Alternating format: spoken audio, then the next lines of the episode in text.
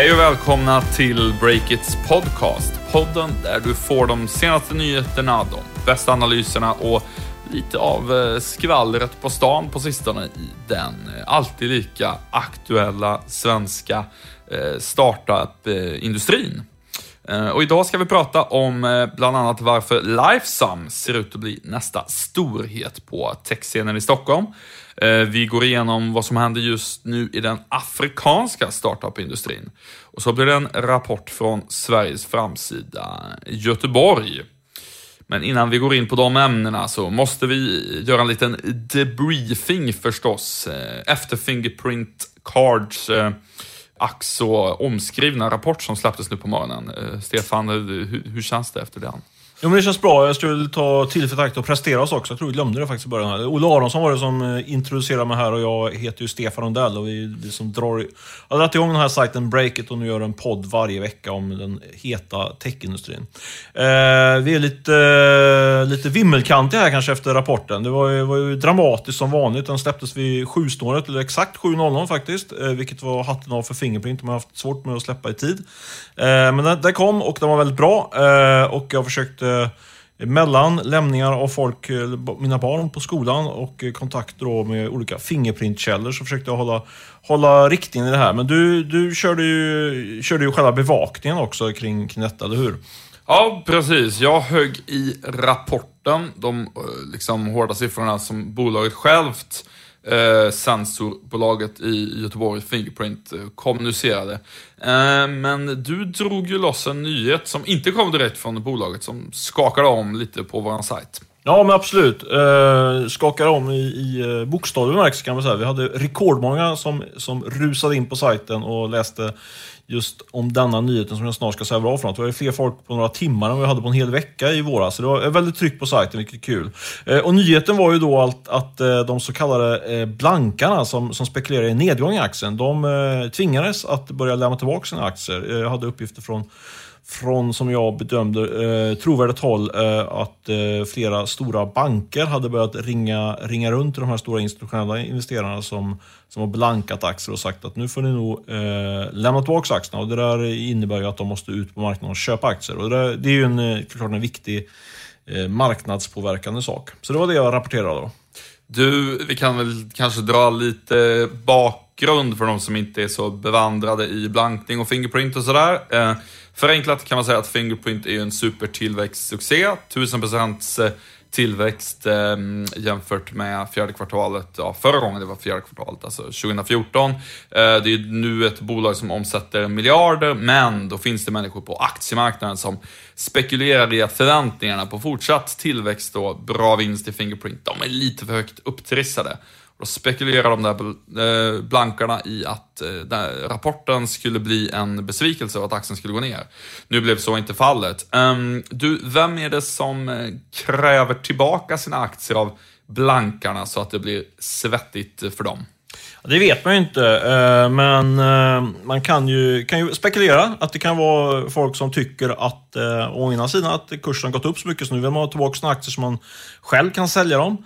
Eh, men det kan ju också vara så att det är, att det är några stora tunga ägare som, som tycker att det här är ett bra tillfälle och, och lite grann squeeza de här personerna som har som satt tryck på aktien neråt tidigare eh, och därför kräver tillbaka, kräver tillbaka aktierna och, och behåller dem helt enkelt. Eh, så det är väl de två alternativen som, som det kan vara. Ja, det ryktas ju om att, det har vi inte fått bekräftat, men att det skulle kunna vara eh, Hexagon-chefen som är storägare i, i Fingerprint, Ola Rolén, som, som har kallat på sina aktier och, det, och eh, utlöst den här eh, får man väl säga, kalabaliken då på, på marknaden. Eller kanske Johan Karlström som är en av tidigare VDn kanske har, eh, har lånat ut lite aktier och vill ha tillbaka dem nu. Det tror jag är lite mindre sannolikt. Han är extremt eh, lojal såklart på sitt bolag, så han är kanske inte den första som man tror lånar ut aktierna. Du, om vi går till själva rapporten då. Man kan väl mm. säga kursen är upp eh, inom citattecken bara 5%. Uh, det tycker jag är bra. Uh, det har ju varit väldigt mycket upp och ner. 20 Just nu ska vi säga, precis nu vi spelar in det. Ja, exakt. Det kanske till och med på, på förmiddagen när jag, när jag noterade det här manuset. Men det var liksom, där, det var den kursreaktion som blev direkt på rapporten. Mm. Uh, och Jag tycker det är bra. Det har varit mycket 20% upp och ner och då vet vi att om det är så i en aktie då blir liksom allt fokus på det och hur går kursen i Fingerprint då? det viktiga egentligen är ju liksom själva rörelsen, deras produkter, hur går den, den eh, liksom teknikutvecklingen och liksom vill deras kunder ha det och det är det som är kärnan i det egentligen. Eh, och det stora där kan man väl säga är att eh, jättestark rapport på alla punkter, bättre försäljning, bättre marginal och så vidare. Men det man undrar nu är, kommer de lyckas Eh, sälja in sin produkt till andra sorters kunder än mobil och smartphonebolag. Eh, kommer det vara så att till exempel kortutgivare vill köpa in Fingerprints fingeravtryckssensorer till smarta bankkort eh, och sådär. Och sen frågar man sig förstås också, vad gör konkurrenterna nu när Fingerprints marknadsandelar ökar hela tiden och förstås också som en liksom ständig spekulation de senaste tre åren sitter någon och räknar på ett uppköp av Fingerprint? Eh, vad tror du om allt det där, liksom framtidsprognoserna, Stefan? Har det varit så att man har spekulerat om det de senaste tre åren, att uppköp? Är det så? Äh, tre åren har ja. det varit kontinuerlig uppköpsdiskussion ända sedan Apple köpte Authentech, som var Fingerprints största konkurrent. då ska jag passa på att spä på den spekulationen ytterligare, för jag tror att eh, att, eh, att eh, ett uppköp nu kan ligga i korten så att säga inom låt säga, de närmaste 6-12 månaderna. Jag vet inte det, det är bara en spekulation, men utifrån när jag pratar med folk och försöker lägga ihop ett plus ett och få det till tre, något liknande, så tror jag att man hamnar i den slutsatsen. Dels är ju Fingerprint faktiskt inte så jättedyrt nu om man tittar på, på värderingen av vinsten och så, så är det värderat som ungefär som börsen i genomsnitt. Eh, och sen är ju den sektorn som Fingerprint eh, befinner sig i mer vidare, vidare bemärkelse. De här semiconductor eller industrin. det har ju varit den sektorn som varit eh, föremål eh, för uppköp mest de senaste månaderna. Eh, så det är en väldigt het sektor som många tittar på och då brukar ju de bästa bolagen vara de mest attraktiva. Man måste ju säga att Fingerprint är ett av de bästa, kanske det bästa nästan i den här sektorn. Eh, om man tittar på vem som skulle kunna vara tagare på Fingerprint då, så är det väl som jag ser det framförallt två typer, eller två aktörer. Ett konkret namn är ju Qualcomm som, som inte fått riktigt fart, den stora amerikanska eh, aktören. De har inte riktigt fått, tag, fått fart på sin egen sensor och de skulle kanske vilja sluka Fingerprint i, i ett litet nafs. Det är ju ett jättebolag så de har mycket pengar på, på banken, eh, från intäkter från annan verksamhet. En annan så lite dark horse, man säger, en sån uppköpsdiskussion skulle ju vara någon eh, kinesisk spelare. Jag såg en artikel i Economist här faktiskt förra veckan att eh, kinesiska staten har flaggat för att de ska eh, typ köpa sig till en position som världsledande inom den här halvledartillverkarindustrin. Och då pratar vi om typ 100 miljarder dollar och liknande som avsatts för det här eh, projektet. Eh, så mitt eh, hetaste tips just nu är att Fingerprint köps upp av en kinesisk spelare under det kommande, under det här året som vi precis har inlett nu. Den här veckan har vi glädjande en ny sponsor i form av bolaget Lendify. Eh, Olle, berätta, vad är det för bolag? Jo, det är ett eh, så kallat peer to peer lånebolag, vilket betyder att Lendify via bolagets sajt förmedlar lån direkt mellan eh, privatpersoner istället för att parterna ska gå via en bank. Och Det innebär att Lendify som inte har några stora eh, kontorsskrapor som bankerna har, utan en mer slimmad organisation. De kan ge eh, betydligt lägre ränta till den som lånar och högre ränta till den som lånar ut. Efter bol eftersom bolaget inte skär emellan lika mycket som banken gör, helt enkelt. Finns det några andra skillnader jämfört med en eh, traditionell bankaktör?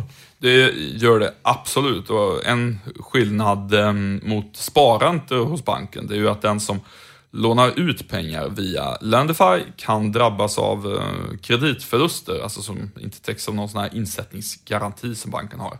Det ska man vara medveten om, men hittills så har Lendifys kreditförlustfond faktiskt täckt eh, upp 100% av beloppet varje gång någon inte har lyckats betala i tid. Även om det förstås inte finns någon garanti för att det ska bli så i, i framtiden förstås. Då tackar vi Lendify för att de sponsrar veckans podd. Yes, du ska ju prata om den afrikanska kontinenten, eller hur Olle? Mm. Det har ju varit mycket snack om eh, internetinvesteringar i Afrika senaste åren. Eh, och eh, det har, har det? Ja, det har det verkligen Ja. varit skulle jag säga. Just för att... I afrikanska medier främst? eller? Nej. men det är ju i alla möjliga medier. Har man kunnat läsa i Financial Times och Bloomberg och allt möjligt. Och på Breakit? Ja, det har man faktiskt kunnat. Och det beror ju på att eh, Afrika, eh, det som alla tittar på där, det är ju liksom att där skippar de datorer och de skippar traditionella bankkontor och de hoppar över eh, flera steg i teknikutvecklingen och går direkt på mobilt internet och eh, smartphones.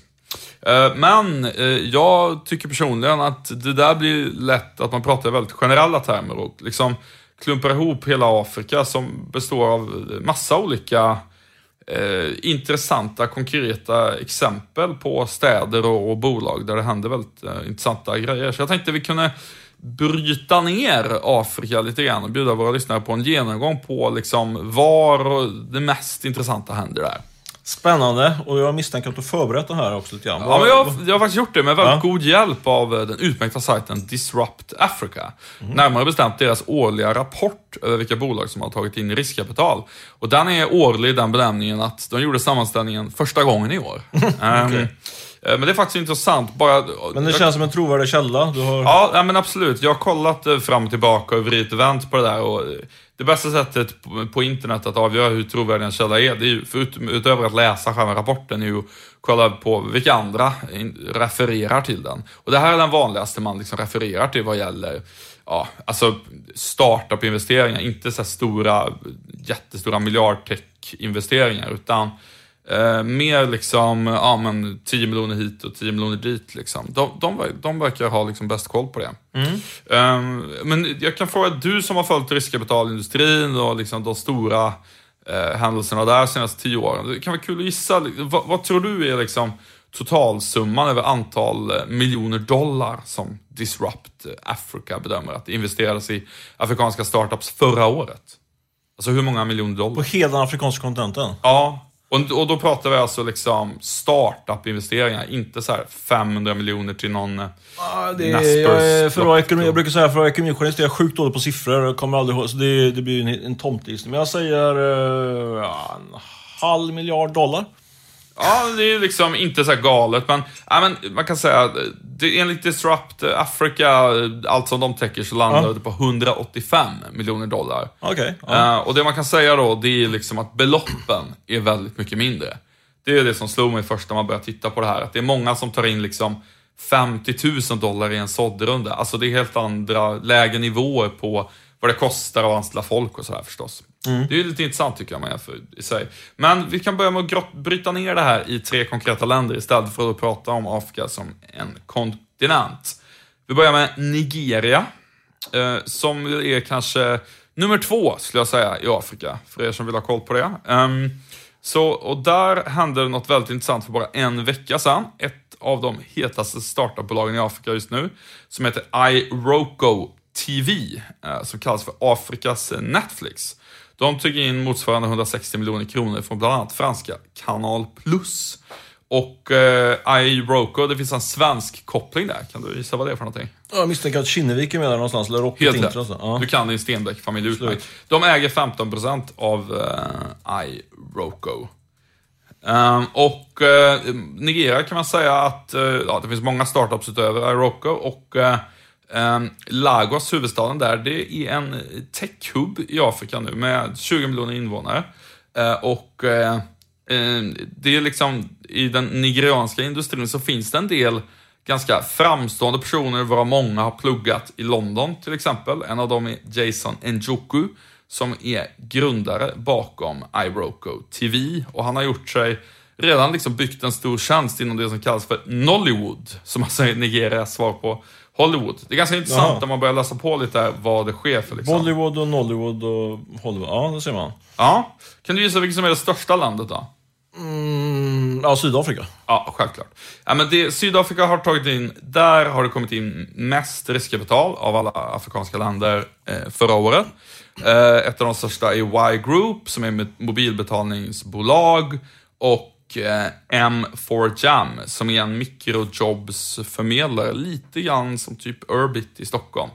Eh, och där i Sydafrika är det ju startup startup-hubben, där Kapstaden är startup-hubben nummer ett. Och där rapporterade vi igår va, om en, en svensk kille som driver Travelstart som har fått en resesajt i, eh, om det var Kapstaden eller Johannesburg vet jag inte, men Sydafrika som bas i alla fall. Exakt. Men massa Travel pengar. Start eh, skrev vi om igår senast att Stefan Ekberg tog in 340 miljoner kronor till den afrikanska delen av eh, bolaget. Det är en eh, digital resebyrå, eller vad ska man kalla det bolaget för? Ja, riktigt intressant och spännande story måste jag säga, så det måste ni in och läsa om ni inte har gjort det redan. Verkligen. Um, och uh, det tredje intressanta då, som inte är i Västafrika, i södra Afrika, utan i, i ost, i östra Afrika, det är um, Kenya som fick in tredje mest uh, riskkapital uh, under, under året av, i Afrika. Och där har man också en rad spännande startups, så både i um, Kenya och Rwanda, grannlandet där, så är det faktiskt så att regeringen nu har eh, tillsatt pengar, alltså statliga venture funds, riskkapitalfonder för, för tech. Eh, Så att bilden nu är när man liksom tittar eh, på Afrika kontra hur det var bara för ett år sedan, det är att nu är det inte så mycket bara snack längre om att de är Mobile First i Afrika, utan nu händer det. Nu kokar det. Exakt. Nu åker entreprenörer från andra länder dit, som Stefan Ekberg till exempel, bygger upp konkreta bolag och det börjar liksom komma igång en, en såddinvesterings eh, ja, industri där kring att finansiera upp eh, bolag. Och jag, jag tror verkligen att det liksom är, om man är sugen som svensk entreprenör på ett äventyr och åka och starta upp ett bolag någon annanstans. Så ja, men om jag var riktigt peppad på det, då hade jag gjort det i Afrika just nu. Jag tror verkligen att det är, det är läge. Spännande och vi, ja, vi kanske drar igång någonting själva där i, eh, i, eh, i, på den afrikanska kontinenten. Men vet Precis, slå oss ihop med Disrupt eh, Africa på något Break sätt. it Africa. Ja, vi får se. Varför inte? Verkligen. Ska vi byta kontinent? Ja, kanske? det tycker jag. Vi går tillbaka till den europeiska och går vidare till, går in i Sverige och eh, riktar oss mot eh, Sveriges framsida, Göteborg. Eh, Vi ska ta in eh, Jonas Delange, vår, en av våra många stjärnreportrar här på Breakit. Han, eh, han har varit i eh, Göteborg ett par dagar eh, den här veckan och det ska bli kul att höra lite grann om hans intryck därifrån. Vi, eh, vi gör ju en eh, medveten breddning av sajten kan vi säga. Från, vi har ju hela tiden skrivit om alla olika startat startups från många olika regioner i Sverige. Men nu har vi, gör vi en, satsning på att bli ännu bättre på, på sånt som händer utanför Stockholm. Till exempel i Afrika. Nej, men alltså i Sverige menar jag. Vår regionala bevakning ökar ju eh, ökar vi trycket på rejält. Och eh, Jonas har som sagt varit nere i Göteborg och träffat en massa spännande startup-människor. Och eh, vi ska prata lite grann med honom nu. Och nu har Jonas kommit in här i vår lilla poddstudio på Riddargatan. Välkommen Jonas! Tack så mycket. Du, jag är jättesugen på att höra lite mer om dina eskapader här nere i Göteborg. Min, eh, min eh, bild av Göteborgs startup-scen är väl lite, grann, lite blandad kan man säga. Känslan är att eh, det för låt säga två år sedan var ganska så, får man säga så, stillastående. Det hände inte så mycket, men, men att det kommit igång mer och mer. Man får mer samtal från duktiga entreprenörer och även investerare riktar sina ögon mot, mot västkusten och Göteborg. Vad, håller du med om den bilden, att det liksom börjar röra på sig i Göteborg med omnejd? Ja, men generellt så kan man väl säga det att det är, eh, att det är fler och fler bolag som, som växer till sig eh, där borta på västkusten. Sen så eh, färdas ju inte nyheterna så bra genom landet kan man säga. Så att, eh, I Stockholm så verkar det som att det är väldigt eh, tyst där borta. Men, eh, men det, är, ja, det kokar upp yr. Det gör det, det gör det. Kul! Ja, det misstänker jag. Så Det är ju det man fasar för, att man ska sitta här som en dryg stockholmare, så det händer ingenting nere på, på västkusten. Jag kommer ju själv från västkusten dess, dessutom. Men eh, du har identifierat eh, att det rör på sig. Vad, om du skulle liksom eh, peka ut eh, några sektorer inom det vi kallar tech, som det rör sig mer än, mer än annat liksom, i, i, eh, på västkusten i Göteborg. Det man kan, kan säga generellt är att liksom det här äh, tungindustriarvet i, i Göteborg finns ju kvar lite grann. Så det, Bilindustri då, tänker du? Eller? Ja, alltså du har ju Ja, äh, SKF och allt, ja. också. Ehm, men framförallt så är det ju då fler hårdvarubolag, upplever jag där, eller större andel i alla fall. Eh, och sen så är det mycket större fokus på B2B, alltså business to business, eller företagstjänster då. Eh, I Det Stockholm... Mm. låter ju som att de är ganska bra positionerade då, för det är väl två sektorer som, som vi tror i alla fall är lite grann up and coming nu jämfört med kanske mer så här enkla konsumenttjänster som var väldigt hett för något år sedan eller två. Ja, verkligen. Det, man hör ju, det finns ju vissa Göteborgsbolag som liksom är där nu att de hålla på liksom, ja, men först så ska vi bygga användare och sen så ska vi liksom aktivera vår, vår intäktsmodell. Men de allra flesta har liksom ett helt annat fokus på att ja, men gå med vinst redan från början liksom, och, och driva ett bolag enligt liksom, traditionella principer än att vara liksom, den här snabbväxande startupen på det sättet som, som lever på riskkapital. Även Va- om det är också många som letar kapital nu. Ja, men precis. Eh, men om du skulle peka ut, liksom, låt säga två bolag som, är, som lite grann höjer sig över mängden nu, eller som du tyckte var lite extra spännande just nu då? Ett, ett bolag som vi faktiskt eh, just har skrivit om då är eh, Intelion som eh, har gjort en eh, digital P-automat kan man säga. Det är sms-parkeringslösning. Eh, som nu dubblade sin omsättning, eller mer än dubblade under, eh, eh, under 2015. Och gick från 33 miljoner till någonstans mellan 70 och 80 miljoner i omsättning. Hur ser deras affärsmän ut? Vad, vad tjänar de pengar på så att säga? Eh, De eh, levererar då helt enkelt sin sms-parkeringstjänst till, till kommuner och privata aktörer och sen så ja, tar de en liten andel på... eh, På varje krona man pröjsar P-avgift eller? Ja, ja, det är okej. liksom eh, parkeringens omsättning tar de en liten procent på. Ja. Kan man säga. Det låter som en stor intäktspotential med tanke på hur mycket man betalar parkeringsavgifter. Ja, verkligen. verkligen. Andra bolag då, vad, som du har identifierat? Ja, det, det finns ju alltså eh, eh, ett eh, stort Göteborgsbolag är ju numera Schibsted-ägda Let's Deal till exempel. Sen så har du ju Recorded Future, det här säkerhetsbolaget som ska Kan se in i folk. framtiden. Ja, exakt. Det är deras, deras idé lite. Sen så är det ett, ett lite up and coming bolag nu som heter Upic. Som är, man kanske inte ska jämföra det med Instagram för att det är liksom eh, eh, mer professionella bilder. Men det är någon form av socialt medie där, eh, där fotoentusiaster eh, delar bilder med varandra och ger varandra betyg. Och så är det också kurser från eh, världskända konstfotografer. Då. Lite mer oklar intäktsmodell där, eller finns det? Ja, ja alltså det finns då kurser som man kan, alltså fotokurser Jaha, eh, okej, i ja. tjänsten som man kan betala för. Sen så finns det också liksom gratismaterial och användarna kan tipsa varandra och så. Men de har då de senaste sex månaderna dubblat antalet användare i månaden upp till en miljon ungefär. Kul! Ja, men det där ska vi, antar jag, få läsa mer om på Breakit. Det stämmer. Ja, det ser vi fram emot. Eh, Jonas Delange, som sagt, är lite Göteborgs eh, västkustansvarig här på Breakit och vi har delat upp, delat upp landet mellan oss. Så vi, vi är- finns på plats i princip överallt där det rör sig i den, den svenska techvärlden. Tack så du Jonas. Vi hörs och syns väldigt snart. Tack så mycket. Vi sponsras denna veckan också av Miss Hosting, bolag som vi brukar kalla för en fullservicebyrå för alla som har en egen sajt. Mm. Eh, I eh, Miss Hostings produktutbud så finns eh, domänadresser, webbhotell, hosting och mycket annat. Så är det. Gå in och spana in alla erbjudanden på misshosting.se eller gå in eh, via Breakit. Där finns nämligen Miss Hosting representerad som en av våra kära supporters. De stödjer oss och på så vis möjliggör de bra journalistik som du kan ta del av. Så stöd dem också tycker jag. Eh, Så är det verkligen. Gör det och med detta så tackar vi Miss Hosting som sponsor denna vecka. Eh, Stefan, det händer saker eh, hos hälsoappen eh, Lifesum, eller hur? Eh, Lifesum som ju har grundats av eh, bland andra Henrik Torstensson, tidigare på Spotify och Stardoll och som nu är, ja, vad ska man säga, det mest prominenta digitala hälsobolaget här, här i Stockholm. Ja, det händer saker där. Eh, jag tycker att vi ska lyfta dem lite grann. Eh, det är ju ett bolag som jag har skrivit om till och från, men eh, det känns som att det håller på och formligen explodera deras användartillväxt där nu. Och det är många som pratar just om, om detta.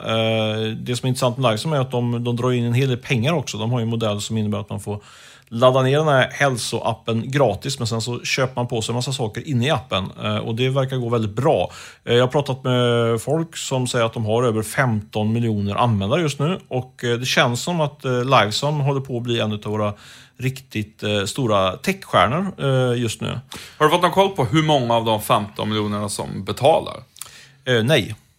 För det, är ju, det där är ju otroligt intressant med folk som lyckas riktigt bra med den modellen. Många försöker med så här freemium, först gratis, sen betala. Men det är ju om man lyckas hitta en modell för att konvertera över dem som ja, pengakranen verkligen kan skruvas på i, i Spotify och Live som andra bolag av, av det slaget. Men eh, vad är mer på gång i, i bolaget? Nej, men anledningen till att jag tycker att det är spännande är för att jag, jag hörde ju hörde att de är på väg att ta in nytt kapital. De håller på att göra en ny stor så kallad B-runda.